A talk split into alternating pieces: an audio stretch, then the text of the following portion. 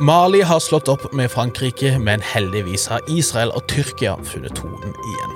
Det skal dessuten handle om gass, valg, kontraopprør og om Norge er en useriøs nasjon. Dette er Hva skjer med verden?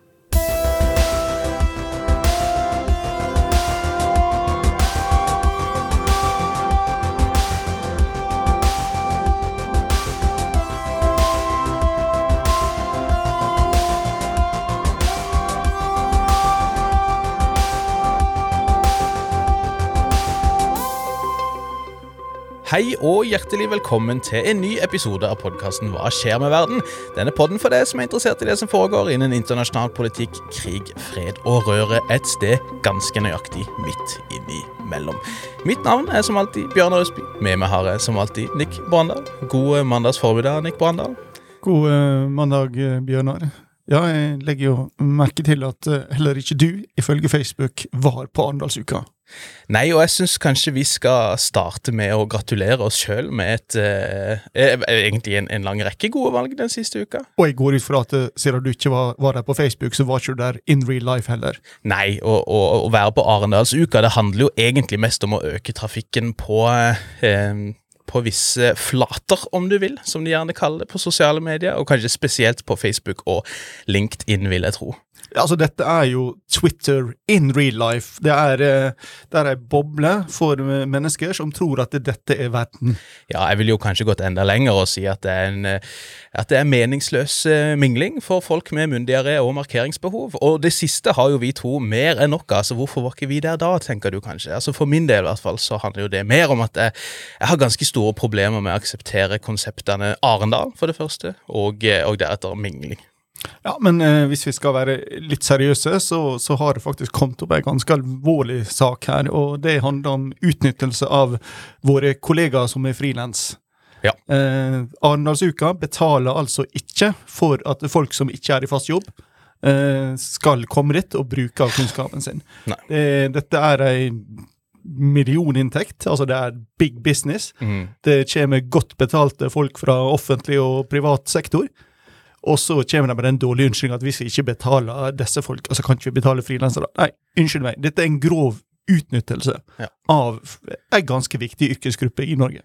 100% og så er det jo mye mange av disse seminarene som er veldig sånn i retning eh, Traktorprodusenter eh, holder et eh, foredrag om hvorfor traktorprodusering er framtiden, finansiert av traktorprodusenter med folk som kjøper traktorer i panelet, type, type greie. Så eh, vi er ganske fornøyd med at vi holdt oss her, men vi har jo likevel en hel masse vi må snakke om for det. Derfor så kan vi jo rulle ut vår ukentlige lille roundup.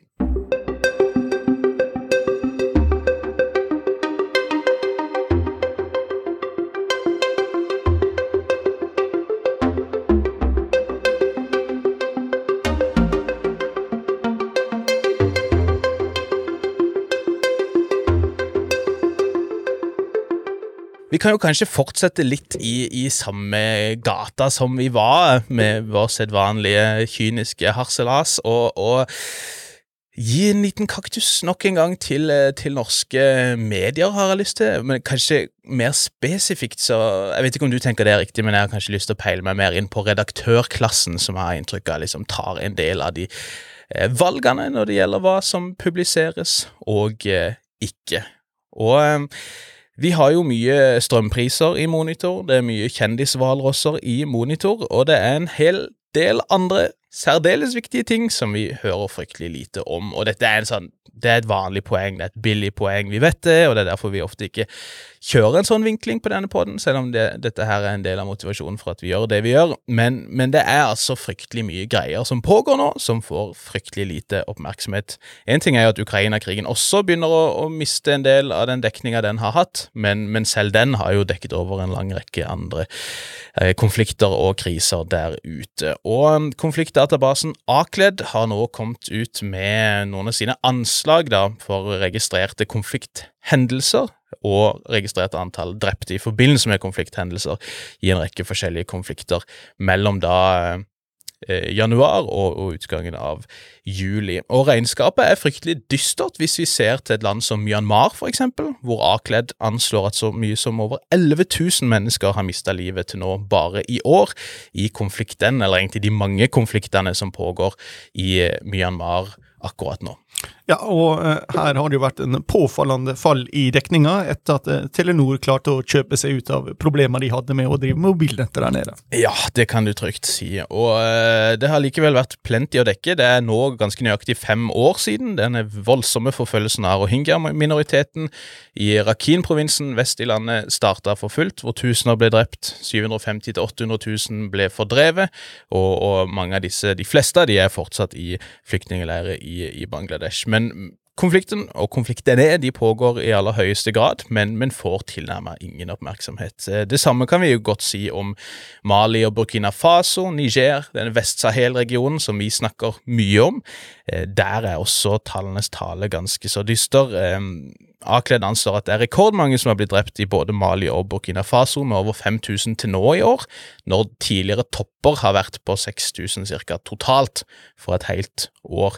Eh, og allerede, ifølge dataen til Akled, som så klart må tas med en viss klype salt, fordi det er fryktelig vanskelig å samle slik data, eh, så er det allerede nå drept flere sivile i regionen enn i hele 2021. Og oppå dette her så har vi jo disse andre krisene som pågår, spesielt da med en fryktelig tørke som pågår i Øst-Afrika og på Afrikas Horn. Det er ikke bare en uh, tørke i år, det har i praksis vært sammenhengende tørke der i fire år nå. Det har vært den uh, dårligste perioden for uh, regnvær si, og regntider på nesten 70 år, ifølge noen eksperter. Andre snakker om at det er den verste tørka på 40 år. Jeg er ikke kvalifisert til å si hva som er mest presist, men FNs forskjellige organisasjoner anslår likevel at 48 millioner mennesker opplever akutt matusikkerhet i Øst-Afrika. 22 millioner står i fare for å sulte. Eh, så det er en fryktelig alvorlig situasjon som vi leser fryktelig lite om, mens, eh, mens vi ytrer all vår frustrasjon og fortvilelse over skjebnen til hvalrossen Freya, som jo nå eh, det er samla inn over 250 000 kroner til for å reise en statue da i minne eh, til denne tapre hvalrossen. Og da vil jo jeg stille spørsmålet, hvis vi som nasjon nå oppretter ei, lager ei statue over en hvalross, som det finnes ganske mange av i vårt territorialfarvann, kan vi da fortsatt gjøre krav på å være et seriøst land? Eh, mitt svar er nei. Eh, jeg vil si at vi er en eh, tullenasjon. Og altså så klart, de er jo akkurat like teite, de som ikke greier å la denne himla hvalrossen få være i fred, tenker jeg. Det, vi kan si at mye av problemet handler om, om, det. Men det igjen handler jo om at media hele tida skulle drive og holde oversikt over hvor denne hvalrossen var. Men nei, jeg tenker da er vi ganske useriøse, altså. Hvis det har kommet dit hen. Nok om det. Vi eh, må videre til eh, litt sånn sedvanlig storpolitikk, og vi må til eh, trakter som vi har vært mye i det siste, nemlig Sør-Kina-havet, Nick. Hva er siste nytt på de traktene der? Jo, vi snakka jo om at uh, Kina sin militærøvelse fyrte av gårde noen raketter som gikk blant annet over Taiwan. Og de gikk jo da ikke bare over Taiwan, de gikk jo litt uh, videre i retning av Japan. Ja. Så da har vi jo uh, gående. og ifølge japansk presse så har da Japan svart med å begynne å lage planer om å utstasjonere 1000 langdistansekryssermissiler som har en rekkevidde som kan nå både det kinesiske fastlandet og Nord-Korea. Eh, og Dette handler om å tidoble rekkevidda på eksisterende våpen, fra 10 til 100 mil. Og disse skal da ligge på eh, i dette øyområdet der bl.a. Okinawa ligger, som heter Nansei-øyene. Og eh, altså, Den japanske grunnlova er jo pasifistisk eh, etter andre verdenskrig, og amerikanerne sa at eh, nå må dere slutte med den militarismen, eh, vær så snill. Ja, ja, de sa ikke vær så snill. Men, la, la, oss ta over i stedet. ja, så, de, så, de, har et forbud mot angrepskrig. Altså De kan ikke bruke det offensivt, så de kan bare svare. Eh, mm. Og eh, dette har jo ikke blitt uh, kommentert på offisielt uh, hold i, uh, i Japan, men det er jo da nok ei tilspissing av en situasjon som allerede er ganske tilspissa. Ja. Så um, vi har sagt det før, og vi sier det igjen. Sør-Kina-havet er det vel verdt å følge med på. Ja, og nå har også USA og Sør-Korea starta opp med noen felles militære øvelser i regionen, syns jeg leste til morgenen i dag. Så det er, det er mer enn nok av, skal vi si markering av territoriet, for å si det mildt, på de traktene der. Eh, vi må over til en eh, liten, kall det, kall det gladnyhet, litt avhengig av hvordan du ser på det, Nick. For eh, Tyrkia og Israel de har atter funnet tonen. Ja, nå har de jo sendt tilbake igjen sine respektive ambassadører og generalkonsuler. Vakkert. Ja, altså Dette er jo en sånn uh, historie som går uh, over et tiår tilbake igjen. Det var jo i 2010, når uh, ti tyrkiske statsborgere ble drept av israelsk marine storma et solidaritet med Gazaskip, at det ble en forverring. Mm.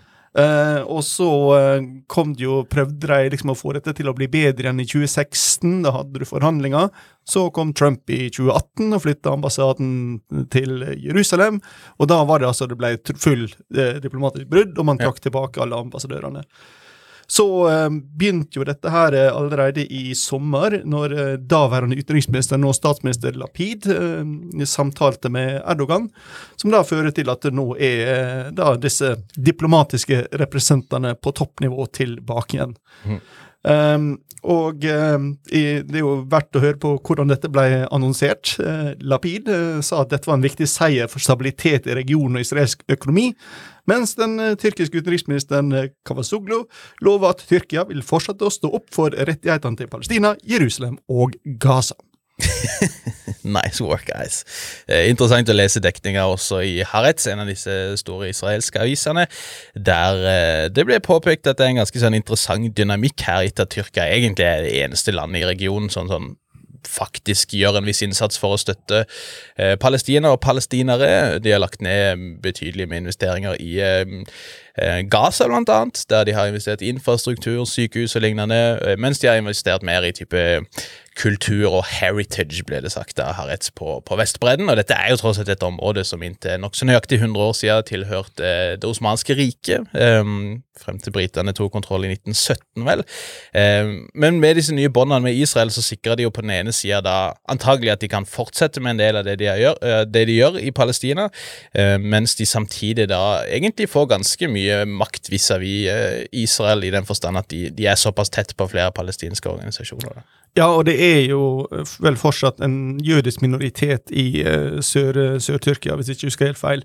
Men hvis du skal være litt kyniske, og det skal vi jo være, så er jo uh, samtidig da uh, Tyrkia et av de få landene her som verken har en palestinsk minoritet på sitt territorium, eller har territorielle ambisjoner i, på de eh, palestinske områdene. Mm. Så eh, at de er snillere med palestinerne, er kanskje ikke så overraskende. Nei, og så, så, er det jo grunn til å tro at de kanskje også har stramma inn litt vis-à-vis en del palestinere, i hvert fall, fordi eh, Israel har eh, vel basically klandra Tyrkia for å gi eh, fritt leide til medlemmer av Hamas på tyrkisk territorium, og har lenge bedt Tyrkia om å stoppe med dette her og sørge for at Hamas ikke kan operere i Tyrkia i noen form, eh, og, og Harret sa at det er god grunn til å tro at Tyrkia har innfridd det kravet nå. da. Og, og Det spekuleres jo dessuten i om Hamas kanskje begynner å revurdere litt sin posisjon og strategi vis-à-vis Israel, gitt at de har holdt en såpass lav profil i det siste, um, og, og aktivt unngått å involvere seg i de nyeste kampene der Israel og palestinsk islamsk jihad, en annen organisasjon på Gaza-stripa, har vært i, eh, i, kamper. Eh, men eh, vi kan jo nevne at både Tyrkia og Israel de fortsetter jo med sine sedvanlige og heller tvilsomme aktiviteter.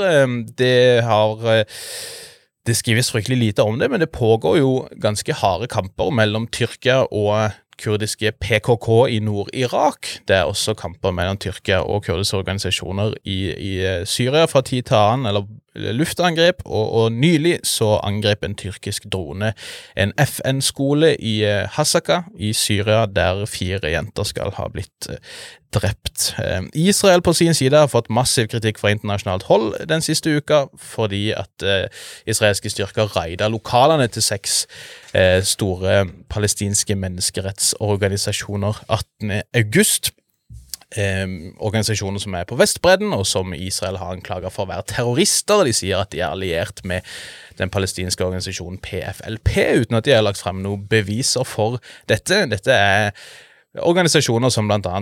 EU har samarbeida tett med eller finansiert, og, og, det har jo resultert i massiv kritikk når Israel nå har rett og slett bare forsegla dørene, stengt igjen og liksom, eiendommene og tatt kontroll over disse. Så, så flere, flere vestlige stater, jeg har sett bl.a. Sverige og Irland, har vært ute og fordømt dette her.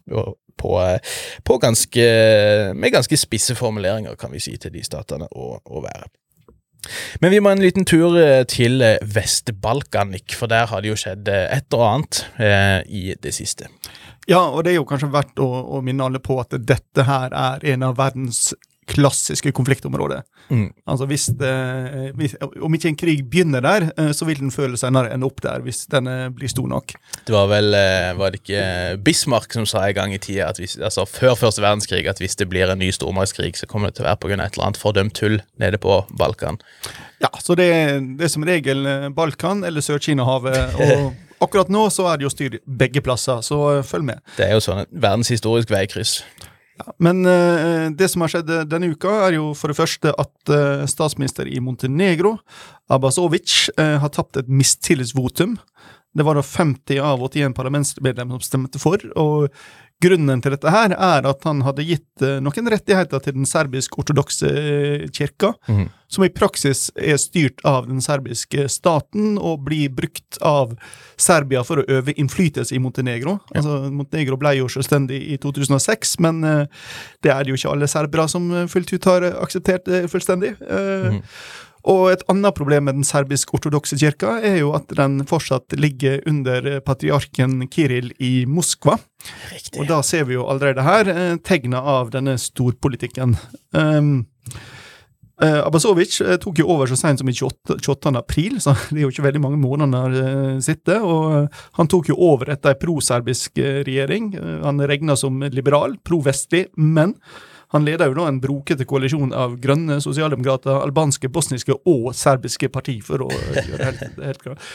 Hva som nøyaktig blir konsekvensene her eh, nå for eh, Montenegro, som er på et slags eh, Europa-vestvendt spor, er jo, er jo, uklart. Og igjen, hvor mye Serbia og eventuelt da Russland har vært inne i dette her, er jo også uklart. Mm.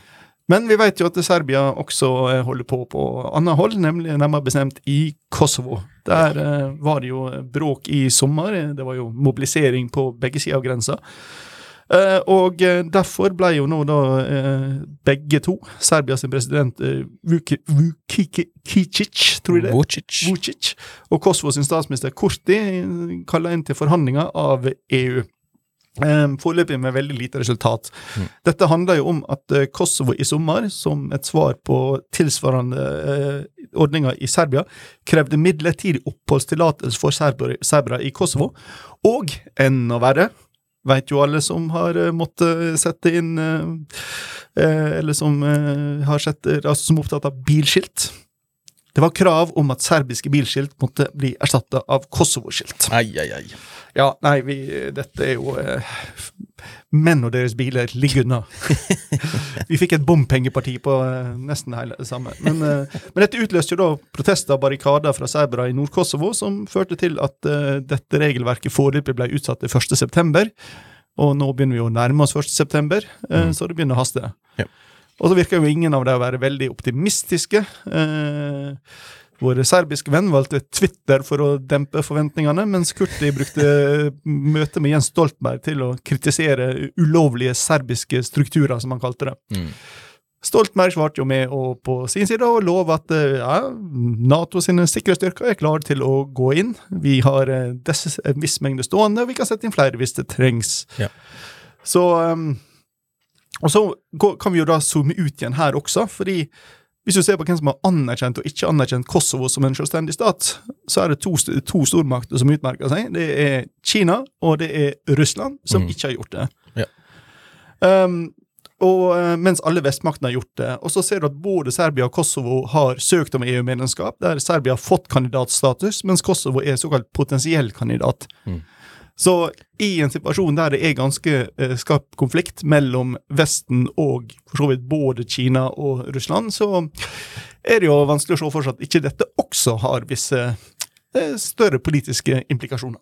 Riktig, riktig. Så var det jo også noen meldinger i helga fra Albania om at tre russiske statsborgere visstnok hadde prøvd å, komme seg inn på noe våpenlager eller noe sånt, tror jeg det var. Jeg har ikke lest nøye nok på det, men, men det er mange ting her som så klart tolkes inn også i den, den større skal vi si, makrokonflikten som pågår nå. Ja, altså vi skal komme litt uh, mer tilbake til det seinere, men jeg tror det begynner å tegne seg et bilde av at uh, selv om det er stillstand i den faktiske krigen i Ukraina, så ser vi en eskalering av den diplomatiske krigen mellom Russland og Vesten.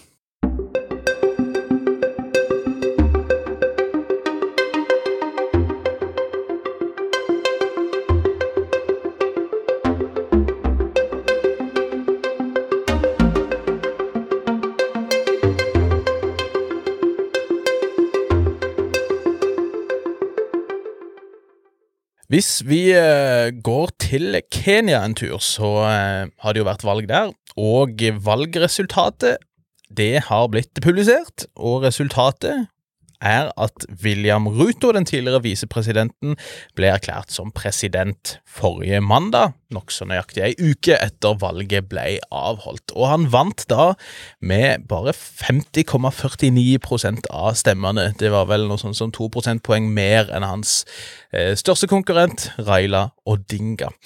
Men så blir det jo ofte en aldri så liten twist i kenyanske valg, som jo da ofte har å gjøre med at en tapende part mener at valget ikke har blitt gjennomført på redelig vis. Og motkandidaten til William Roto, Raila Odinga, som har stilt til valg hele fem ganger og tapt alle fem til nå, han har gått ut og hevder at resultatet er ugyldig, at valget har vært gjennomført på en eh, problematisk måte, og eh, at han derfor ikke aksepterer dette resultatet. Eh, men for å gjøre det enda mer eh, jeg skal ikke si absurd, men slående, så gikk jo da fire av syv medlemmer av denne valgkommisjonen som har oversett valget, de gikk ut da valgresultatet ble publisert og sa at de ikke var håper jeg, komfortable med å stille seg bak det resultatet som de da la frem. Så, så det har vært noen twister her som har jo åpenbart har skapt mye spenning og mye frykt for at dette her kan resultere i vold, gjerne langs etniske linjer, slik vi har sett før, spesielt da i,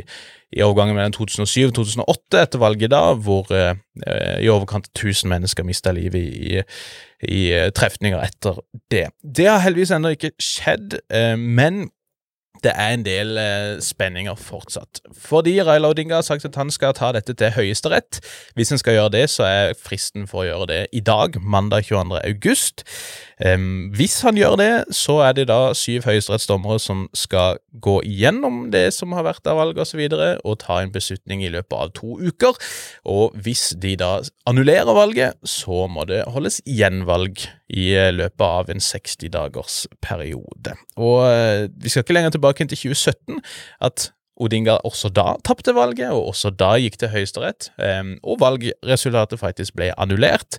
Men hans motkandidat Uhuru Kenyatta, som nå er avtroppende president, han vant også det valget. Vi har jo hatt en interessant dynamikk her, hvor Kenyatta, da, den avtroppende presidenten, faktisk valgte å støtte sin eh, rival Odinga, en mann som han har stilt til valg mot en lang rekke ganger, heller enn å støtte sin egen visepresident, Roto, men likevel så ser det ut, i hvert fall enn så lenge, til at Roto vant valget. Han har eh, blitt annonsert som president, han har blitt gratulert av flere presidenter i regionen, og skal i utgangspunktet overta eh, presidentvervet 30. august, men så får vi se hva som eventuelt skjer med Høyesterett og så videre.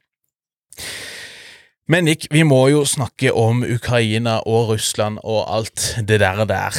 Um, og, og, som du var inne på, så er det jo ikke de store utviklingene hvis, hvis, altså For de som sitter og ser på kart over hvordan fronten virker og beveger seg fra dag til dag, så har det ikke vært de veldig store endringene de siste ukene. Det var en periode der vi så Russland inntil noen uker siden beveget seg litt og litt vestover i, i øst. Det virker å ha stoppa opp nå. Um, nå snakkes det veldig mye om situasjonen i sør, det snakkes mye om en ukrainsk offensiv mot byen Kherson, men ikke minst så har det vært mye oppmerksomhet retta mot det faktum at Ukraina nå, med mer eller mindre på å si, langdistansemissiler, har lykkes med å angripe en rekke mål bak fronten. Eh, noen av de inne i Russland proper, men en del av disse angrepene har foregått da på russisk annekterte Krim. Og det er jo i og for seg interessant nok at Ukraina greier dette her, og at luftvernet ikke er bedre enn en at de har gjennomført en rekke slike angrep. Noen av de med droner, noen av de med missiler, noen av de angivelig også utført av sabotører bak fiendens linjer, skal vi tro myndighetene. Men det som jo også er veldig slående med dette her, er at det var en del snakk tidlig i krigen, spesielt fra folk som en tidligere president, Dmitri Dmitrij Medvedev, som jo har blitt et sånn internettroll i Russland etter hvert, eh, om at eh, hvis hvis Ukraina eller noen andre rører Krimhalvøya, da skal de få angre. Da vil vi faktisk stå overfor dommedag i løpet av veldig kort tid, fordi at det er en linje som vi, vi strekker der, hit, men ikke lenger, og Krim skal ikke røres. Men så har jo da Ukraina angrepet mål på Krim en lang rekke ganger nå de siste, den siste drøye uka, uten at vi har sett noen respons eh, som er verdt å nevne, egentlig, fra, eh, fra Putin eller folkene rett rundt han, i hvert fall som vi har fått sett offentlig. da. Og det er jo litt interessant, og tolkes jo gjerne um, av de som har ment at Putin kan og bør pushes, i motsetning til de som har ment at han ikke bør utsettes for press, kan tolkes som at Putin verken ønsker å eskalere eller mobilisere, eller at han kanskje engang kan gjøre det. Eh, det er jo en litt sånn skvisnikk med hvor mye du kan innrømme her, og ikke kanskje vis-à-vis din egen befolkning. Altså, det har jo eh, juridiske konsekvenser eh, med en gang du innrømmer at dette er en annen stat som har stått bak. Fordi da har du blitt angrepet, da er du i krig. Og eh, hvis du er i krig, så må du jo som statsleder, hvis du skal fortsette å bli tatt alvorlig, mobilisere. Mm.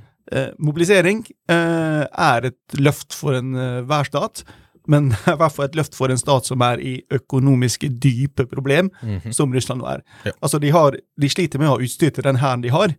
Altså, Hva skal de gjøre hvis de nå skal kalle, kalle inn hundretusener, kanskje millioner av nye soldater fra hele dette russiske territoriumet? Mm. Altså, det, dette er dyrt. Det er, det er, det er kjempedyrt. og igjen i en situasjon der eh, flyene nå må begynne, de må begynne, å skru fra hverandre eh, noen fly for å ha deler til andre fly. Altså, mm. Det er beinharde prioriteringer hele tida for å prøve å få samfunnet til å gå sånn noenlunde rundt. Ja. Og eh, hvis du da får det, denne enorme sosiale omkastninga som dette vil bli, i tillegg, ikke bare økonomisk, men også sosialt Du skal flytte menn ja. ektefeller, sønner, fedre, eh, så risikerer du jo at eh, det blir urolighet på en helt annen måte enn det vi har sett til nå. Mm. Som også er en bekymring som Putin åpenbart har. Ja, det, det, er gode grunner til å tro at han ikke stoler et øyeblikk på sin egen befolkning, som mange advokater før han. eh, og, og, det er klart, det, man, altså I tillegg til det du nevner med det juridiske osv., så, videre, så vil det jo også være en innrømmelse av at krigen går fryktelig dårlig. Eh, dette Ukraina skulle være lett å felle, og det er en gjeng med bøller, nazister og narkomane. Det er jo tydeligvis da feil. Um, og, og, eh, han står i en sånn skvis da, der han egentlig har gode grunner til å ikke innrømme at disse tingene skjer vis-à-vis sin egen befolkning. Men, men, her virker det samtidig som om Moskva og Kiev eh, har en sånn tango gående. fordi Ukraina tar jo heller ikke på seg uten videre æra for å ha gjort dette her. De er uklare. Mm som, som, er nødvendig for at Putin skal kunne ha dette rommet til å benekte det. Ja, Og, og, og ditto så er det jo mye spekulasjoner om at eh, USA har forsynt Ukraina med Attackums, ATACMS, altså noen eh, mer sofistikerte langdistansemissiler enn det man har innrømmet at man har gitt til Ukraina.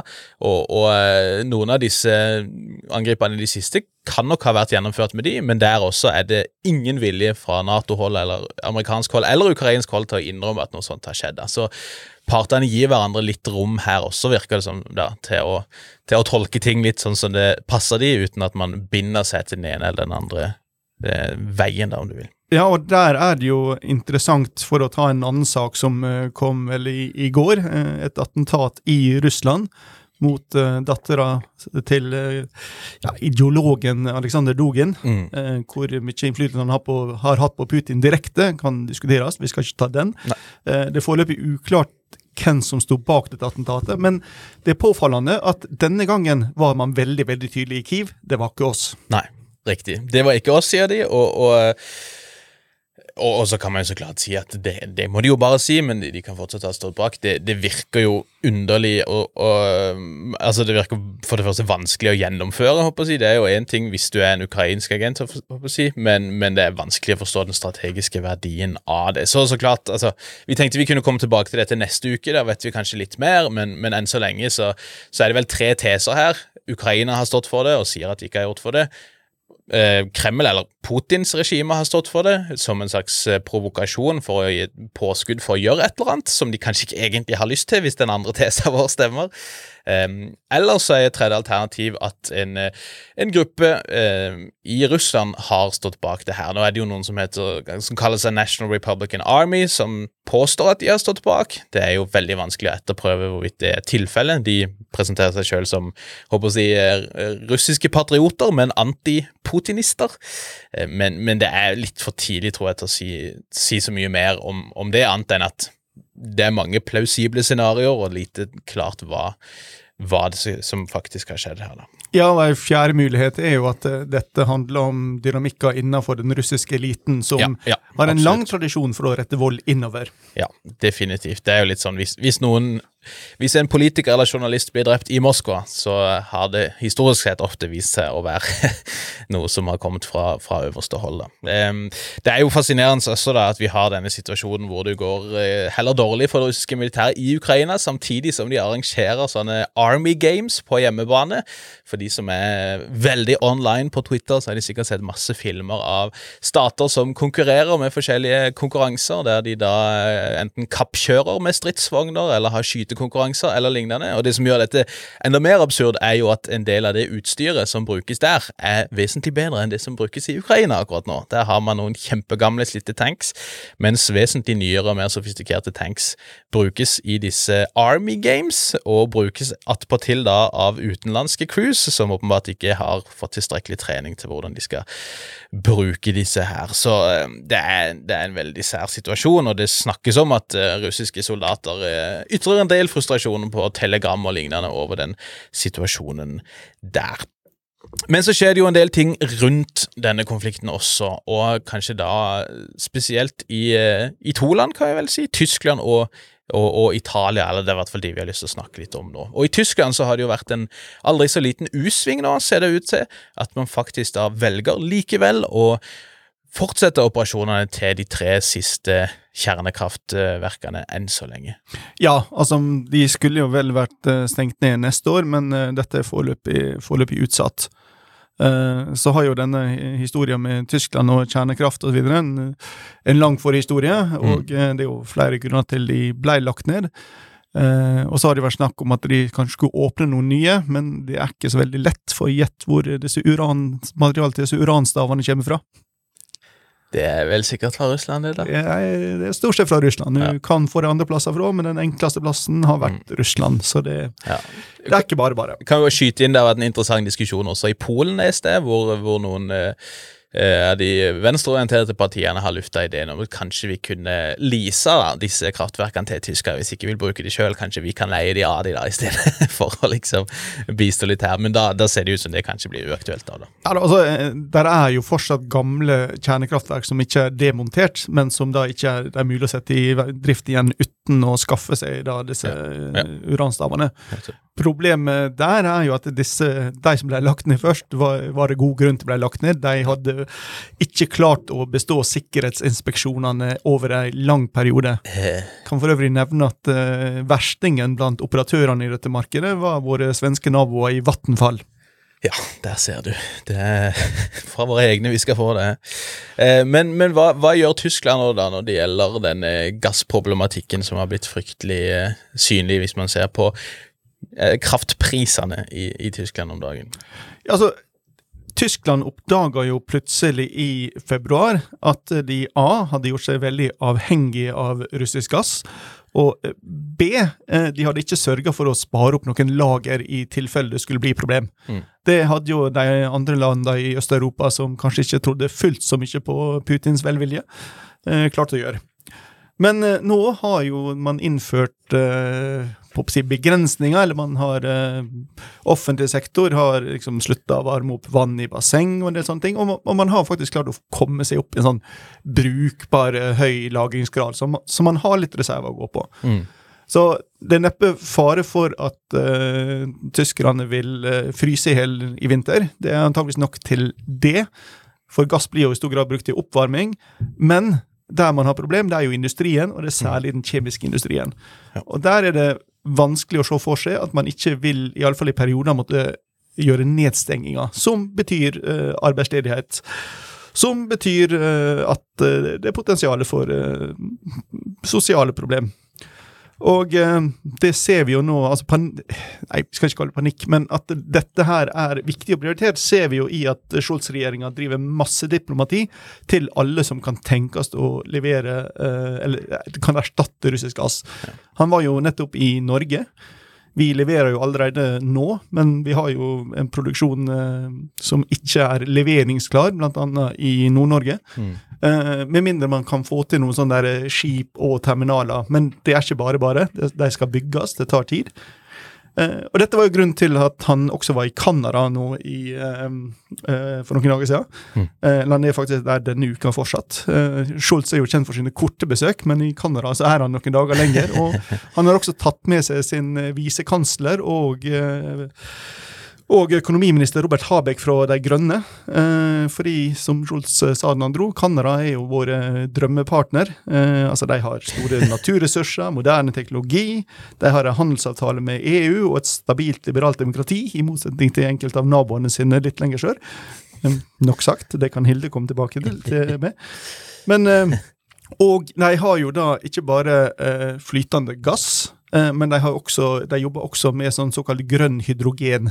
Hm. Eh, det er ikke klart nå, det er noen år fram i tid, men, eh, men, det, men, det, er mulighet hvis du skal da gjøre deg uavhengig av russisk gass på, på sikt. Ja. Men på kort sikt så handler det altså om denne flytende naturgassen. Så er ikke det helt uproblematisk i Canada, fordi dels så er det et problem at det ikke er terminaler på østkysten som kan transportere dette, altså overføre det til skip. Eh, og dels så er det en del eh, problem med miljøhensyn. Fracking er jo et ord som kanskje mange kjenner til. Mm. Eh, og dette er særlig da et problem i én delstat, nemlig Quebec, som er fransk, og dermed litt sånn etnisk atskilt fra resten av, resten av Canada. Og det er jo ikke tilfeldig at det var akkurat i Quebec at uh, Habeck og Scholz begynte å reise seg. sted. og de møtte da med uh, førsteministeren i Quebec. Det er da nå, dette er jo en, en, perfekt anledning for din klassiske fun fact om Brandenburg og Tor og ambassader osv., Nick. Berlin. Ja, altså Hvis du står på Pariserplatz uh, framfor Brandenburger Tor, så vil du da se alle eh, stormaktene sine ambassader. Det var der jeg har plassert dem.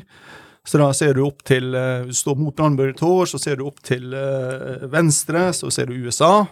Eh, og så går du forbi Hotell Adlon, der eh, Michael Jackson holdt babyen sin utafor, for de som er gammel, gammel nok. Og så vil du se den britiske, og så vil du se den russiske litt, litt lenger ned i gata, diger. Og så hvis du ser opp til høyre, så ser du den franske, og så mm. ser du en til. Som er nærmest av alle. Som er nærmest av alle. Og det er jo da Quebec, som har et kontor i den franske ambassaden i Berlin. Vakkert. Jeg har for øvrig vært på kanadisk restaurant i Frankrike. Ikke så mange andre etnisiteter som kommer seg inn der, men, men Canada, Canada gjorde det. Jeg hadde bisonbiff. Yes. Eh, men, eh, nei, altså, men, men, problemet er jo da fortsatt at eh, da også denne flytende gassen er sånn ett til to år fram i tid før den ja. kan komme til, til, Tyskland. Så den løser ikke de umiddelbare problemene. Mm. Og, og, da er man jo over i at uh, Russland bruk av uh, Nord Stream 1-rørledninga uh, vi har jo snakka mye om Nord Stream 2, men, mm. og det kom jo et forslag nå om å åpne den opp um, kortsiktig, men det ble skutt ned ganske raskt og kraftig. Ja.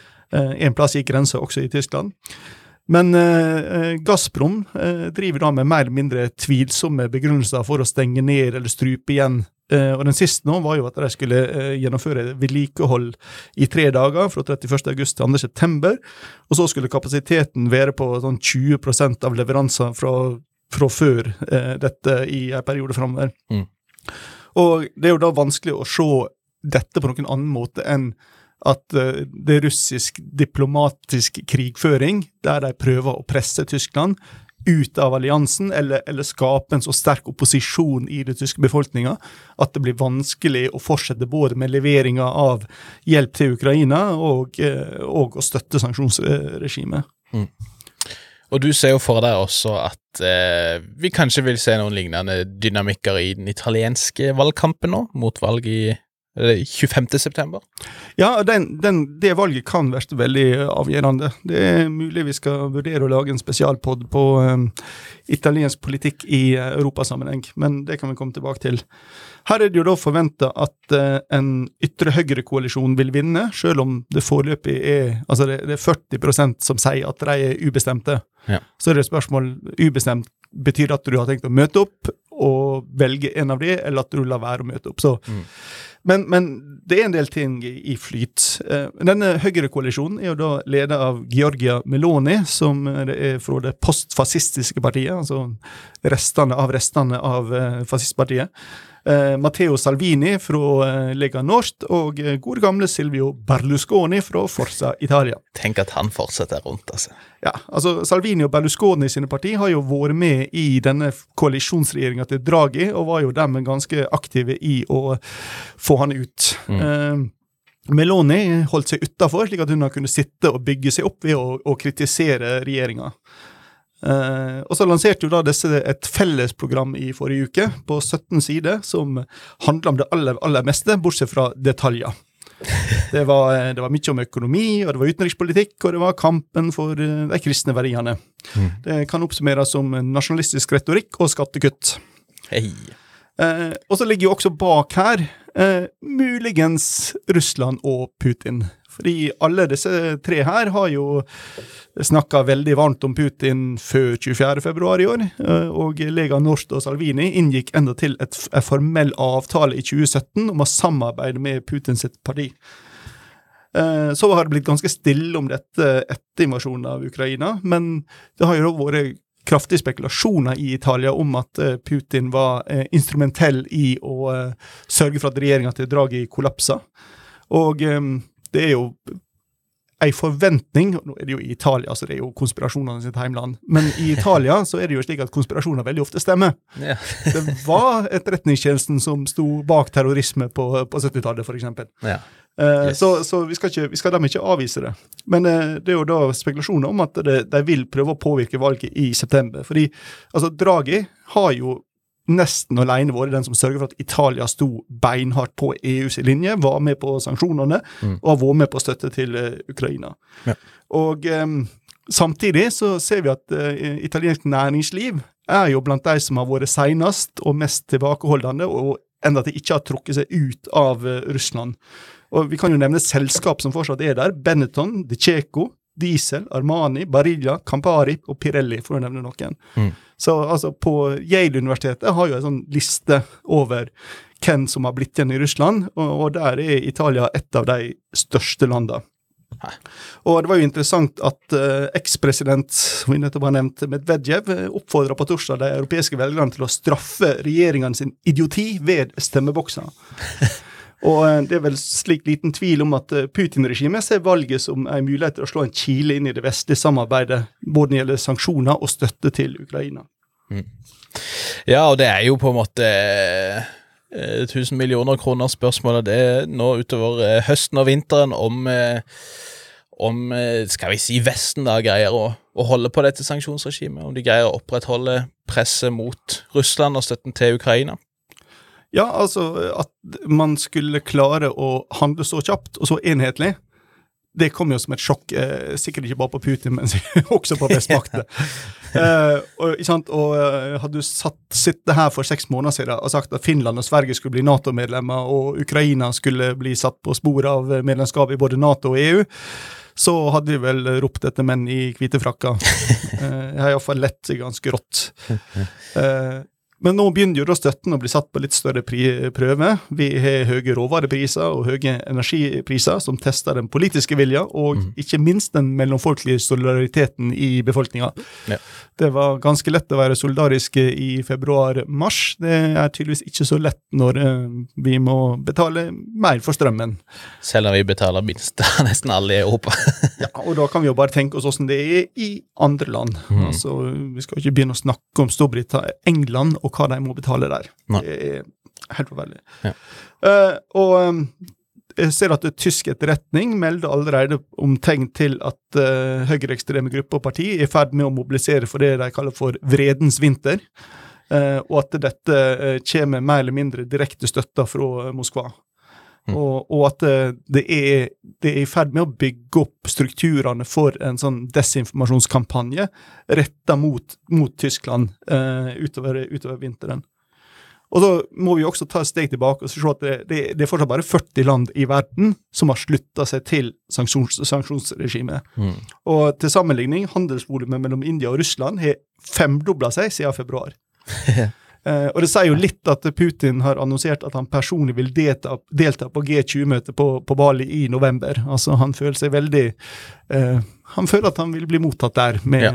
på god måte. Xi Jinping også skulle vel trappe opp der? Skulle han ikke det? Ja, han har vel litt større grunn til å vente ja. at folk i hvert fall ikke vil eh, holde seg unna han.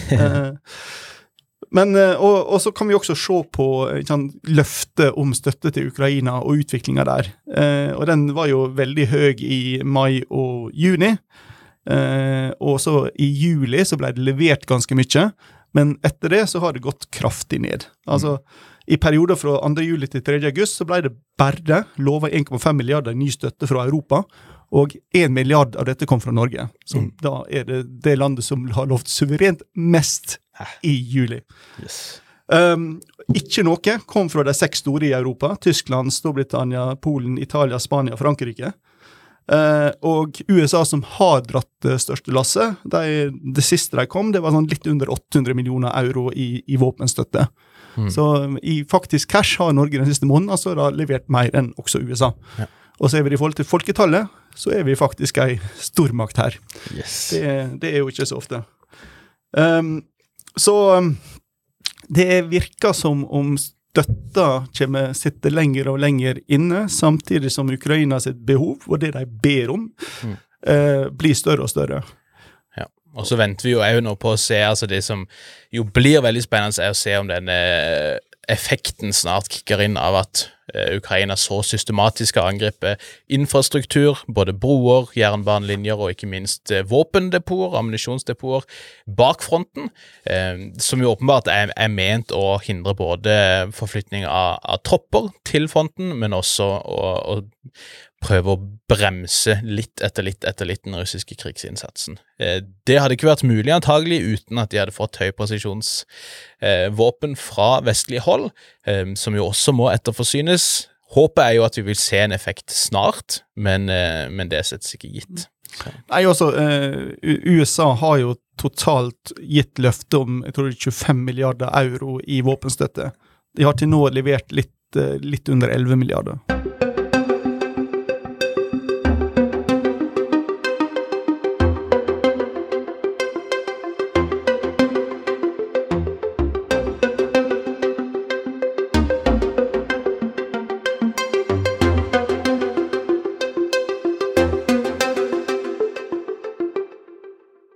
Vi har fått noen spørsmål fra dere, våre kjære lyttere, og eh, vi har fått flere hyggelige forespørsler om, eh, og tips til spesialepisoder som vi tar på eh, det største alvor.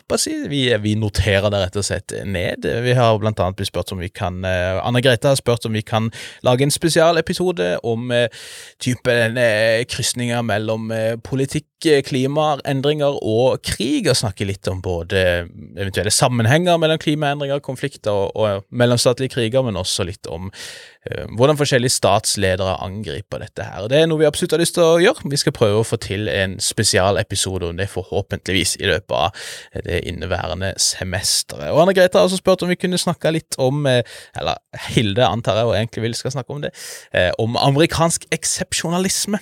Og det skal vi prøve å få til. Det kan hende Hilde vil si litt om det når hun snakker rett etter oss her, men vi skal sørge for å få dekket det også i en annen episode, siden det tross alt er det den tematikken der som Hilde har skrevet sin doktorgrad om. Så det er jo et, eh, et spørsmål som passer veldig godt til hennes eh, ekspertise, får vi si, Nick.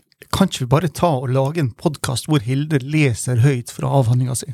Jo, det var det hun foreslo til meg på en melding her, faktisk, så kanskje vi skal gå for det. Men så har vi også fått et spørsmål fra lojal lytter Odd her, om eh, vi, og da vil jeg spille den ballen til Danik, kan kaste litt lys over begrepet illiberalt demokrati, som Orban har eh, sagt at han ønsker skal være rådende i Ungarn. Og, og eh, vi kan kanskje omformulere litt og spørre håper jeg, hva er illiberalt med det demokratiet som, eh, som Orban ser eh, for seg, i kontrast til mer skal si, liberale former for demokrati, eller politisk liberalisme mer generelt. Altså, Orban, med å bruke dette begrepet, vil jo da stille opp en kontrast mellom Ungarn som det ekte demokratiet, og så kan du si EU eh, og Vesten som Eller resten av Vesten som det uekte demokratiet. Mm. Og eh, det ekte demokratiet her er jo da at uh, vi kan ikke Når han sier illiberalt, uh, så er det fordi at demokrati tilhører ikke demos, som altså er alle folk, mm. men etnos, som er gruppa. Riktig. Altså Et illiberalt demokrati er altså et etnokrati, mm. der folket skal stå på like fot. Alle som er en del av inngruppa, skal ha like muligheter, skal være, kunne være med. Eh, men da, de som er utafor, som ikke er en del av gruppa, etnos, de skal da ikke ha den muligheten. Mm. Og, og, hvem da vil du si er definert som eh, inngruppa og utgruppa her i, i Orban sitt hode?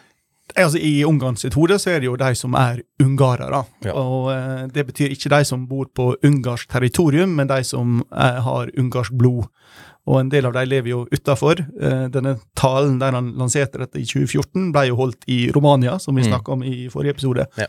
Eh, så, men, men, det er samtidig ganske så flytende. Mm. Altså det, det, det, er sånn det er et begrep som egentlig Urban sjøl er den som uh, vil definere og kreve ja. å definere. Mm.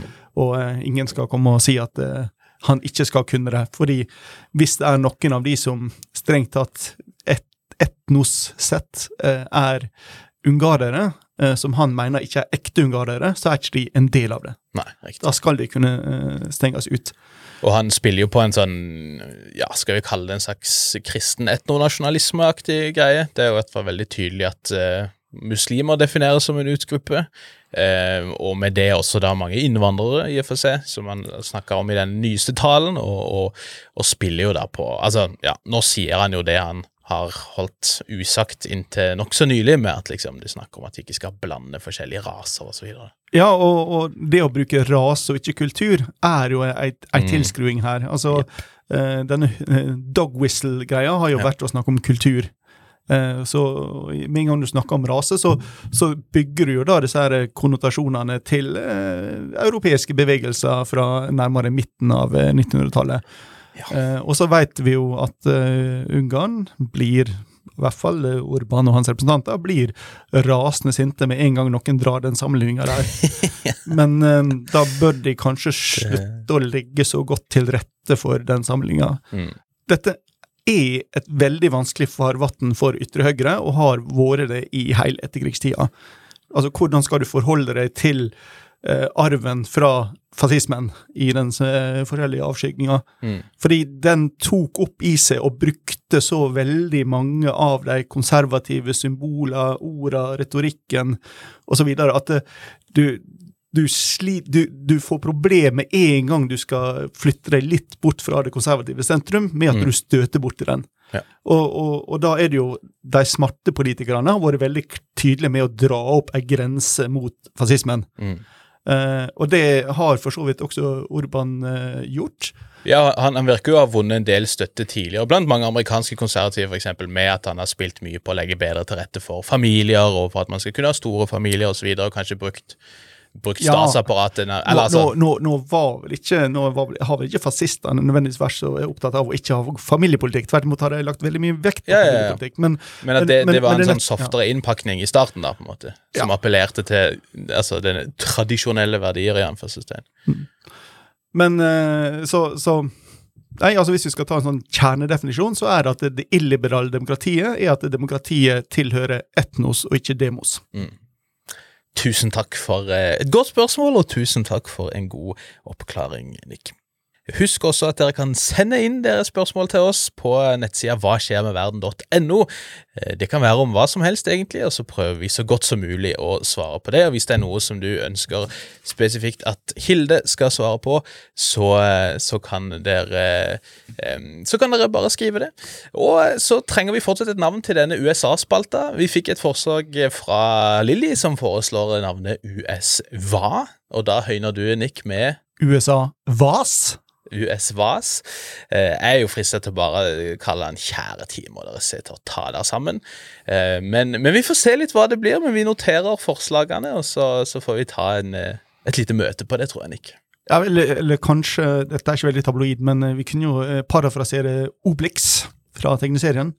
Disse amerikanerne, de er spenna gærne. Det er også et alternativ.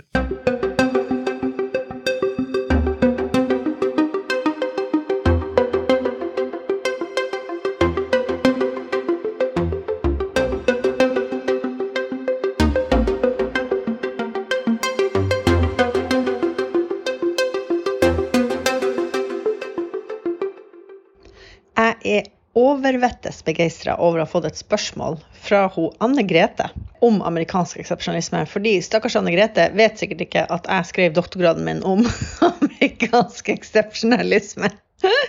Heldigvis for Anne Grete så sa hun også at hun ville gjerne ha en spesialpod om amerikansk eksepsjonalisme. Og Anne Grete, jeg kunne ikke vært mer enig. Dette er et tema som trenger en hel episode av, eh, av podkasten, så det skal vi selvfølgelig få til. Så det kan Bjørnar ikke glede seg til å lide seg gjennom. Men akkurat sånn for denne gangen så tenkte jeg å se om det er en utfordring. Kan en akademiker som har skrevet en doktorgrad om en tematikk, klare å svare kort og konsist på et, et lytterspørsmål? Challenge accepted. Ok.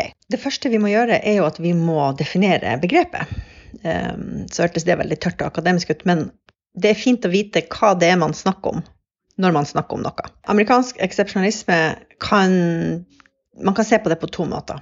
Måten jeg definerer det på, er at det er en slags nasjonal identitet eller en slags nasjonal fortelling som har utvikla seg i USA siden egentlig før USA ble grunnlagt, som handler om at USA er et eksepsjonelt land i betydninga bedre enn. Så ikke, ikke, bare annerledes enn, og da enn Europa, det var Europa man sammenligna seg med i utgangspunktet, men bedre enn at USA har utvikla seg som en, et slags Europa 2,0. Um, en ny slags stat, eh, grunnlagt uten konge, uten monarki, og tenkte man og sa man skulle, et, skulle bli en, et stort og viktig land, men det skulle ikke bli et imperium, og det skulle ikke bedrive gammeldags kolonialisme eller, eller, andre typer ting. Det skulle bli en, en, bred, bedre versjon av Europa, og at de amerikanske grunn, grunnlovsfedrene var så geniale at de klarte å designe en forfatning og politiske institusjoner som var så genial at USA rett og slett ville bli en bedre demokratisk republikk enn det man hadde sett tidligere i verdenshistorien. Og så har denne selvfølelsen eller identiteten etter hvert også hatt mye å si, mener jeg, da, for hvordan USA har sett på sin rolle internasjonalt. Hvis du er bedre enn resten av verden, så kan jo det gjerne bety at du har en, et ansvar og for resten av verden. At du må vise vei, at du må lære opp, at du må ta kontroll, ta styringa. Eh, for eksempel så var det det Woodrow Wilson, som var USA sin president under første verdenskrig, snakka mye om han, hans måte å forstå storkrigen i Europa og rundt i verden, det var jo en verdenskrig, på var som at her var det de gamle, korrupte stormaktene i Europa som hadde rota seg inn i en krig, og nå var det opp til den nye verden, med USA da som representanten for den nye verden, å komme inn og rett og slett ta over styringa, lage et nytt internasjonalt system, Folkeforbundet, ikke sant? og vise vei fremover til en bedre måte å håndtere internasjonal politikk på, og internasjonale relasjoner mellom stater på. Så det var for å illustrere at jeg tenker at den måten å forstå amerikansk eksepsjonalisme på, er å forstå det som en selvforståelse som amerikanerne har. Det er en idé eller en, en, en, en fortelling, ikke sant? En identitet. Men så er det mange amerikanere og amerikanske akademikere opp gjennom tida som har definert amerikansk eksepsjonalisme som en objektiv tilstand. Så USA er kvantitativt annerledes, kvalitativt annerledes enn andre land. At USA er så forskjellig fra alle andre land i verden at det blir unikt, at det blir eksepsjonelt. Og at man kan måle det her ved å sammenligne ulike ting, om det er grad av religiøsitet eller grad av uh, religiøs frihet, f.eks. Ja. Mange forskjellige ulike parametere man kan bruke da, for å på en måte bevise at USA er så annerledes at det blir eksepsjonelt. Jeg mener jo at den såkalte objektive definisjonen er en blindvei. Fordi det vi egentlig snakker om her, er jo en form for nasjonal identitet. Det er en form for nasjonalisme. Som egentlig ikke handler om hva du kan måle. Alle land er unike på hver sin måte. Alle land er ulike på hver sin måte. Og det er helt OK. Det kan man, det kan man undersøke, det kan man forske på. Det, heter, det, feltet heter komparativ politikk. Men det er ikke det som er eh, det fascinerende og det viktige og det innflytelsesrike og det betydningsfulle ved amerikansk eksepsjonalisme. Og jeg antar at det Anne Grete spurte om, er denne holdninga amerikanerne har om at de er bedre enn, og at deres land er bedre enn. Og bare for å ha sagt det, det er ikke eksepsjonelt å tro at man er eksepsjonell. Nordmenn er jo ekstremt opptatt av hvor utrolig overlegen vi er i verden, og at alt vi gjør er bra, og at vi har en unik uh, tilnærming til og innflytelse over, uh, og god innflytelse på verden og, verden og internasjonal politikk. Så bare for å ha sagt det, det er ikke unikt, det er ikke eksepsjonelt å tro at man er unik og eksepsjonell. Men det er interessant og viktig, mener jeg, å forstå den amerikanske versjonen Eh, fordi det er interessant i seg sjøl, men også fordi at USA har en enorm eh, rolle og enormt mye makt i internasjonal politikk, og har hatt det nå i over et århundre. Og da blir det ekstra viktig å forstå hvordan de ser på seg sjøl og på sin rolle i verden. Fordi jeg mener jo at de to tingene henger sammen. Jeg mener jo at den eh, nasjonale fortellinga om den amerikanske eksepsjonalismen, som amerikanerne blir fortalt i USA i, på alle mulige måter, gjennom media, gjennom filmer, gjennom i skolebøker, i pensum. Jeg det, jeg mener at det har en veldig stor påvirkning på hvordan de forholder seg til verden, hvordan de forstår verden. Anne Grete spurte også hvor utbredt er denne holdninga. Og denne identiteten har vært veldig utbredt gjennom amerikansk historie. Og en av de tingene jeg syns er bemerkelsesverdig, er jo på en måte hvor, uh, hvor, hvor ofte man finner igjen den holdninga, uansett hvilken historisk æra man snakker om, uansett hva konteksten er, så er det en sånn denne utviklinga av denne nasjonale identiteten, den, den ser man, syns jeg, ganske klart i amerikansk historie. Så det siste spørsmålet hennes var er dette en av årsakene til USA sine problemer. Det er jo egentlig et veldig dypt spørsmål, veldig interessant spørsmål. Jeg har jo sett på sammenhengen mellom denne holdninga og amerikansk utenrikspolitikk. Og jeg vil jo påstå at den amerikanske fortellinga om at det er dem som hele tida må ut og redde verden fra seg sjøl, eh, ofte har ført til overmot. Og ja, da kan føre dem litt ut på glattisen i, i internasjonal politikk. Og også det her at når du tror at du sjøl har på en måte funnet svaret på alle de politisk-filosofiske spørsmålene i verdenshistorien, at USA er svaret på alle de, tingene, alle, de, alle, de, alle de tingene de politiske filosofene har lurt på. Da blir man jo litt arrogant, og så kan det være at man får, blir for frista til å prøve å på en måte eksportere sitt eget system til andre eh, nasjonale og kulturelle kontekster hvor det kanskje ikke er like nyttig eller fruktbart. Så en, en holdning der man ser på seg sjøl som, som bedre enn alle andre, kan fort føre til problemer, vil jeg si. Jeg mener det har ført til problemer i amerikansk utenrikspolitikk. Ok, Nå innser jeg jo at jeg er i ferd med å lage en spesialpod, ikke et kort og konsist svar. Så la meg bare si det, det, her. Det blir det siste jeg skal si. eh, før en eventuell spesialepisode. Og det at det er også, det, jeg tror at det har også vært noe veldig hjelpsomt ved denne identiteten gjennom den amerikanske historien. Fordi at den amerikanske eks eksepsjonalismen er jo en det er en nasjonal identitet som i teorien kun er opptatt av politiske institusjoner, verdier og normer. I teorien så, så har, skulle det ikke ha noe å si hvilken hudfarge du hadde, hvilken religion du hadde, eh, hvor du eventuelt kom fra før du kom til USA. Det handla om at alle skulle være enige om visse spilleregler innafor eh, den amerikanske demokratiske republikken, og at man skulle jobbe mot det samme målet. Det er en idealversjon av den amerikanske eksepsjonalismen, og det er mange problemer og, og utfordringer, og, og det, det, har ikke alltid vært sånn.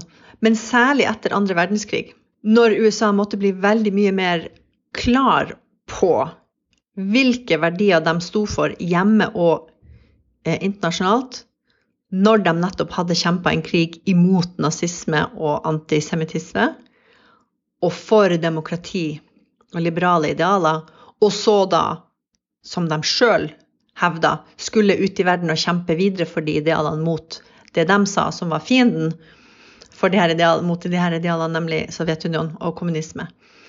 Den selvforståelsen og den rollen gjorde at den amerikanske nasjonale identiteten ble mye mer fokusert på de aspektene ved USA som ikke fokuserte på rase, religion, sånne type ting. Fordi at det gikk jo imot det USA sa at de sto for internasjonalt. Og jeg tror jo at i dag så kan det være noe nyttig i den selvforståelsen. Vi ser jo at amerikansk politikk i økende grad polariseres langs f.eks. rasemessige og etniske skillelinjer. Der det å være demokrat, eller det å være republikaner, burde jeg heller si, gjerne overlapper med det å være hvit og kristen, f.eks. Du får noen sånn type skillelinjer langs faktorer som er gift for samfunnet, som rase, som religion. Eh, og da kan det jo være veldig nyttig å ha en ikke-etnisk type nasjonalisme, som den amerikanske eksepsjonalismen har potensial til å være, hvis man klarer å, å samle seg om en definisjon, eh, uten at den blir en sånn her type sjåvinisme uten at det blir for nasjonalistisk. Så jeg, jeg forsøkte å, å, avslutte på en, en lett håpefull tone. Så. Uh, men, men, det er så mye mer å diskutere, og det er jo en kjempekompleks problemstilling. Uh, så jeg er glad for at jeg fikk det spørsmålet, og håper at vi får til en spesialpod om det. Tusen takk for denne gang, og takk til Anne Grete for det her ekstremt intelligente spørsmålet.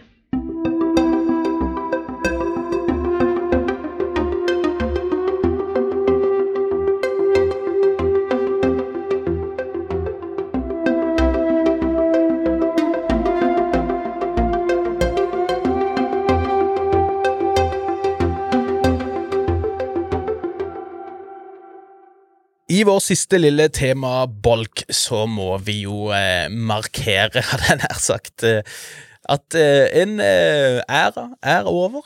Frankrike har offisielt trukket ut alle sine styrker fra Mali.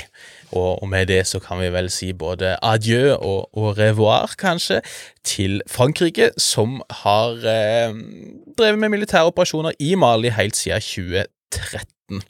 Um, altså sånn rent praktisk nå, så ser det jo ut som man flytter tyngdepunktet i regionen da til Niger, i tillegg til at man allerede har mange styrker og, og eh, fly og så videre på bakken i Tsjad lengre øst. Så vi skal ikke liksom presentere dette her som om Frankrike nå forlater Sahel-regionen, eller Vest-Sahel, men de har definitivt forlatt Mali. Og det er jo en ganske big deal, og det er jo litt sånn slående situasjon også, bare med at Frankrike stikker, og så blir de erstatta av denne russiske Wagner-gruppa. Det tror jeg ikke det er så mange som hadde sett for seg for en ti års tid siden. Men samtidig så var det ikke så mange som så for seg at Frankrike skulle gå inn i Mali i første omgang heller. For så sent som i november 2012 så sa den franske presidenten Francois Hollande at det ikke kommer til å bli noen intervensjon i Mali. Han sa ganske så kategorisk at vi kommer ikke til å sende styrker til Mali, eh, i møte da med et eh, voksende opprør i nord, egentlig da utløst av Tuareg-separatister, men hvor da flere jihadistorganisasjoner etter hvert nærmest kapra dette opprøret og tok kontroll over flere byer nord i landet. Men kort tid etter, i januar 2013 allerede, så beordra likevel Francois Hollande en fransk intervensjon, mer spesifikt en operasjon kalt Serval, hvor Frankrike da rykka inn og på veldig kort tid fikk eh, kasta ut disse jihadistene fra forskjellige byer nord i landet. Og i, i, starten så var dette her både en skal vi si, veldig vellykka operasjon og en forholdsvis populær operasjon blant eh, befolkninga i Mali, som, som, gjerne så seg tjent med å, å, bli kvitt flere av disse jihadistene som nå hadde tatt kontroll over store deler av landet. Men Deretter så har det gått ganske så dårlig over ganske så lang tid, tror jeg vi kan si. Og um, forskjellige folk som kan mye mer om dette her enn meg sjøl, vil jo kanskje si, håper å si når det gikk galt, og, og, være litt uenige om det, men, men, det virker jo som det allerede i 2014 egentlig begynner å, å gå galt, når denne operasjonen Serval blir erstatta av en ny og mer omfattende operasjon kalt Barkan, som da har operert helt fram til i dag. For fra å ha et ganske sånn begrensa objektiv om å jage disse jihadistene ut av byer i nord, så skulle Barkan prøve å stabilisere egentlig hele regionen. Mali, men også for så vidt Burkina Faso og Niger, for å både stagge håper jeg, eh, fremrykningen til jihadistene, men også for å kjøpe de forskjellige statene tid til å øke sin militære kapasitet, der de fikk trening da fra både EU og USA og forskjellige andre stater som, som bidro der. Og, og denne stabiliseringa har jo gått fryktelig dårlig, tror jeg vi kan si. Og så må vi alltid ha i bakhodet at vi ikke vet hvordan dette her ville sett ut hvis franske styrker eller FN-styrker ikke var til stede. Da kan det hende at ting hadde sett mye verre ut, det vet vi ikke. Men, men gitt at de er der, så tror jeg det er helt greit å si at dette ikke har gått spesielt bra. For heller enn å stanse jihadistene eller holde de i sjakk, så har jo denne paraplyorganisasjonen Jenim tilknyttet Al Qaida, men med en rekke forskjellige lokale grupper i, og Den islamske stat i Stor-Sahara, avansert stadig lengre sør og opererer nå i stadig større områder. Nå er det ikke lenger bare i Mali, men også i Niger, i Burkina Faso, og i det siste så har vi også sett, som vi har snakka mye om, flere og flere angrep nord i kystland som Benin, Togo og, og, til dels også i Elfenbenskysten. Eh, i tillegg så har jo da altså det som utløser at Frankrike nå stikker, det er jo at de har falt ut med denne militærhuntaen som tok over makta i et kupp, først i 2020, og så konsoliderte den militære kontrollen over landet i nok et skal vi si, metakupp i 2021, der de da kvitter seg med den sivile delen av den nye overgangsregjeringa. Så kan vi jo spørre liksom hva det var som, som gikk galt med den franske operasjonen osv. Hva, hva de eventuelt, gjorde feil, hvis vi skal si at det handler om Frankrike. Og, og da vil jeg basere meg på eh, en artikkel som er skrevet av en kar som kan eh, mye mer om dette enn meg, nemlig en som heter Nathaniel Powell, som har skrevet en artikkel for War on the Rocks, en nettside der du kan lese mange eh, forskjellige analyser og kronikker om, om krig og konflikt og sånt der og der. Og, og, Powell påpeker jo en rekke ting som har gjort dette her vanskelig. Noen av de har å gjøre med Frankrike, noen av de har å gjøre med mer strukturelle aspekter som Frankrike ikke nødvendigvis kan kontrollere i samme grad. Og, og hvis vi starter med det første, eh, med strukturelle aspekter, så, så, handler det jo gjerne om at Frankrike har forsøkt å, å si, bevare mer eller mindre da, illegitime regimer lokalt, eh, regimer som ikke ses for å ha mye legitimitet, enten fordi at deres styrker er notorisk voldelige mot sivile, eller fordi at de har et ganske avslappa forhold til valg og demokrati og slike ting. Ehm, men i tillegg til disse strukturelle tingene, så, så påpeker jo Powell også eh, ting som vi må si ligger på den franske sida av saken, som har å gjøre med både misforståelser av, og misdiagnostisering holdt på å si, av, av problemet, der Frankrike, som håper å si, EU og som i hvert fall USA, ender opp med å, å ha en veldig sånn snever forståelse av problematikken, der jihadistene utelukkende behandles som terrorister, heller enn at de forstås som det de jo tross alt er, nemlig ganske sofistikerte og komplekse opprørsbevegelser, som i praksis ikke er så veldig forskjellige fra disse landlige opprørene vi så i mange stater rundt omkring i verden i, eh, i løpet av den kalde krigen, for eksempel. Denne terroristlinsa har gjort mye for å forhindre en god analyse, men i tillegg så er det jo en del politiske og mer operasjonelle ting også, som Powell påpeker, som ikke har hjulpet. Eh, Frankrike har jo for eksempel gang etter gang satt opp hindre for å prøve å forhindre at statene i regionen forhandler med jihadistene. Det er flere eh, regjeringer i regionen som har vært ærlige på at de gjerne er villige til å forhandle og har forsøkt å forhandle, men så har Frankrike da prøvd å grepe inn for å stanse dette her, for man forhandler jo tross alt ikke med terrorister, ikke vel. Eh, I tillegg så, så, ser vi jo gang etter gang eh, det samme for Frankrike, som vi har sett med mange andre stormakter også, at det er veldig mye mer eh, ja, innsats for å sikre stabilitet enn å sikre skal vi si, demokrati og rettferdighet, selv om eh, Frankrike selv gjerne har vært kilde til ustabilitet i, i, mange deler av Afrika opp igjennom, eh, opp igjennom historien. Operasjonelt sett også så har det jo har Frankrike bidratt til å skape litt nye problemer også, i og for seg, fordi at de flere ganger har alliert seg med forskjellige lokale væpna og ikke-statlige grupper i kampen mot de forskjellige jihadistorganisasjonene. Én ting er jo at man kan si at dette undergraver statens makt og, og myndigheter, håper jeg men et, et, enda mer umiddelbart problem er jo at flere av disse gruppene her eh, har eh, vært med på skal vi si, eh, skape og intensivere en konflikt langs etniske linjer, fordi at flere av disse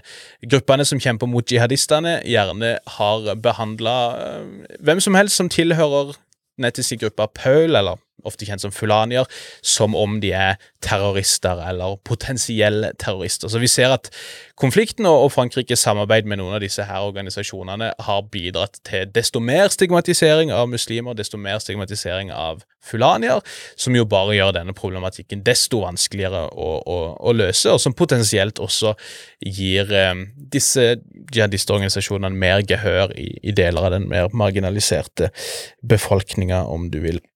Så Powell foreslår jo at, at, man ikke bare har mislyktes, men at kanskje Frankrike aktivt har gjort vondt verre, både når det gjelder politiske styre, fordi man i praksis har beskytta ganske så illegitime regimer, men også da at man kan ha bidratt til å gjøre eh, regionen mer ustabil.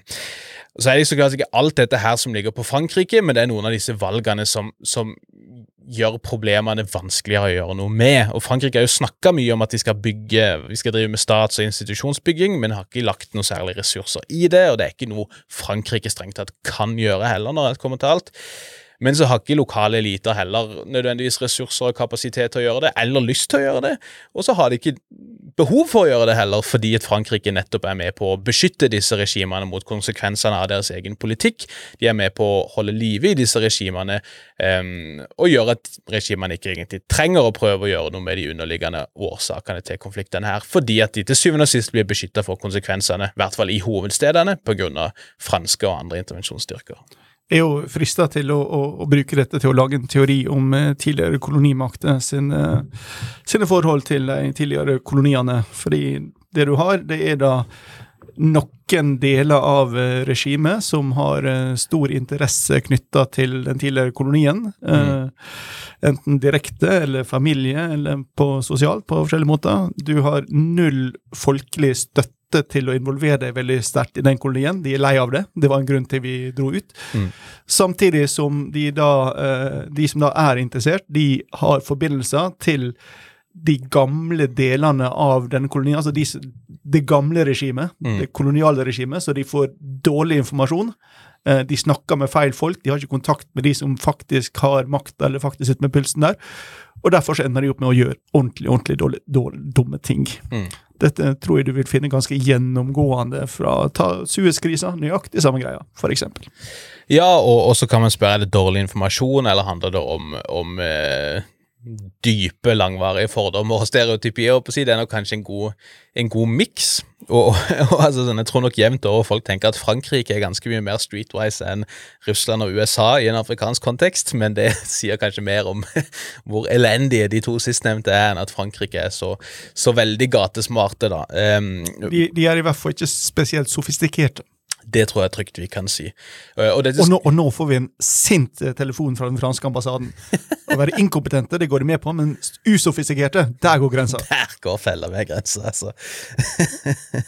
Eh, men, men, dette skaper jo litt trøbbel lokalt også, for som du sier, man har jo da gjerne bånd med, med, de som sitter med makta, eller de som satt med makta, og vi så jo det noe av det, ikke alt av det, men noe av det som gjorde den forrige presidenten i Mali, IBK, som han gjerne kal kaltes, uh, Ibrahim eh, Keita Noe av det som gjorde han upopulær, var jo det som ble sett for ganske tette bånd mellom han og Frankrike. og, og uh, denne voksende antifranske holdninga var jo også noe som og, og, disse demonstrasjonene også kulminerte jo til slutt i dette kuppet som militæret sto for da. Og, og så vidt jeg har forstått, så brukte jo også da Huntaen disse antifranske holdningene for å rettferdiggjøre at de fjerna lederen for den sivile delen av regjeringa i dette andre kuppet sitt i 2021, eh, for, fordi de mente at han var altfor tett på Frankrike.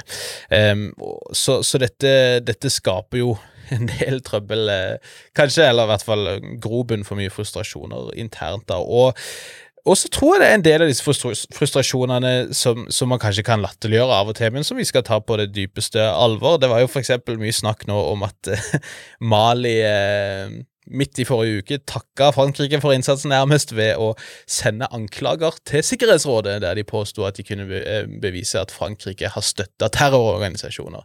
Så Frankrike har kanskje brukt milliarder av euro på å bekjempe terrorisme i Mali, men egentlig så har de støtta terrororganisasjoner. Og Dette virker jo som en helt absurd påstand, men antagelig, hvis vi, skal, hvis vi tenker at dette faktisk er noe de mener, noe utenriksministeren mener da han sa dette her, så kan det handle om en, eh, en, ting som det er fair nok å kanskje kritisere Frankrike for, nemlig at Frankrike på et tidspunkt hadde et, eh, et visst samarbeid, i hvert fall med medlemmer av eh, den nasjonale frigjøringsbevegelsen for Azawad, eller MNLA, som startet som en slags separatistorganisasjon for tuareger nord i Mali. Faktisk dette opprøret som starta i 2012, var det jo MNLA som langt på vei satte i gang, selv om jihadister etter hvert brukte anledninger til å ta kontroll sjøl.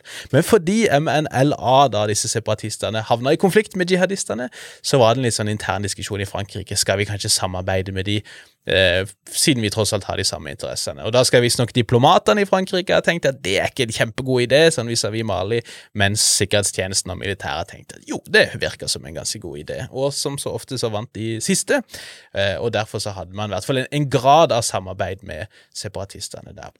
Og de har vel senere sagt at de skal forholde seg til Malis integritet osv.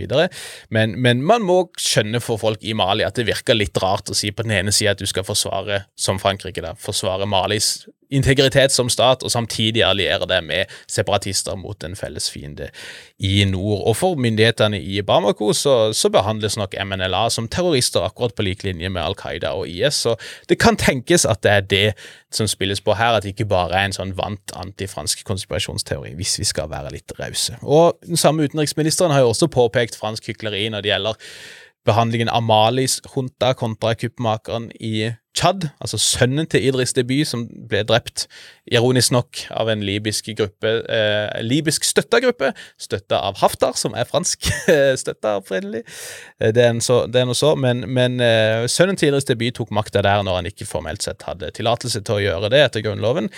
Han har fått fryktelig lite kritikk, eh, tilnærmet null kritikk, fordi Tsjad er en utrolig viktig alliert for Frankrike i regionen og i denne mye omtalte krigen mot terror, mens Mali har fått masse kritikk for å ha gjort det samme, selv om huntaen i Mali er forholdsvis populær lokalt, mens sønnen til Indres debut er veldig upopulær lokalt. Og, og, det å påpeke det hykleriet tenker jeg jo er streit, streit nok, egentlig vi skal ikke nå late som Junta Animali er noen helgener i det hele tatt. De har fryktelig mange svin på skogen med tida, men, eh, men, det er kanskje ganske gode grunner til at det er en del frustrasjon med, med, med Frankrike i Mali. Og nå har de tatt hintet og takka for seg, eh, så får vi se hva, hva tiden vil bringe der. Det ser ikke veldig lyst ut, for å si det sånn. Jihadistene avanserer stadig nærmere hovedstaden, og det er lite som tyder på at Wagner-gruppen kan stagge disse offensivene.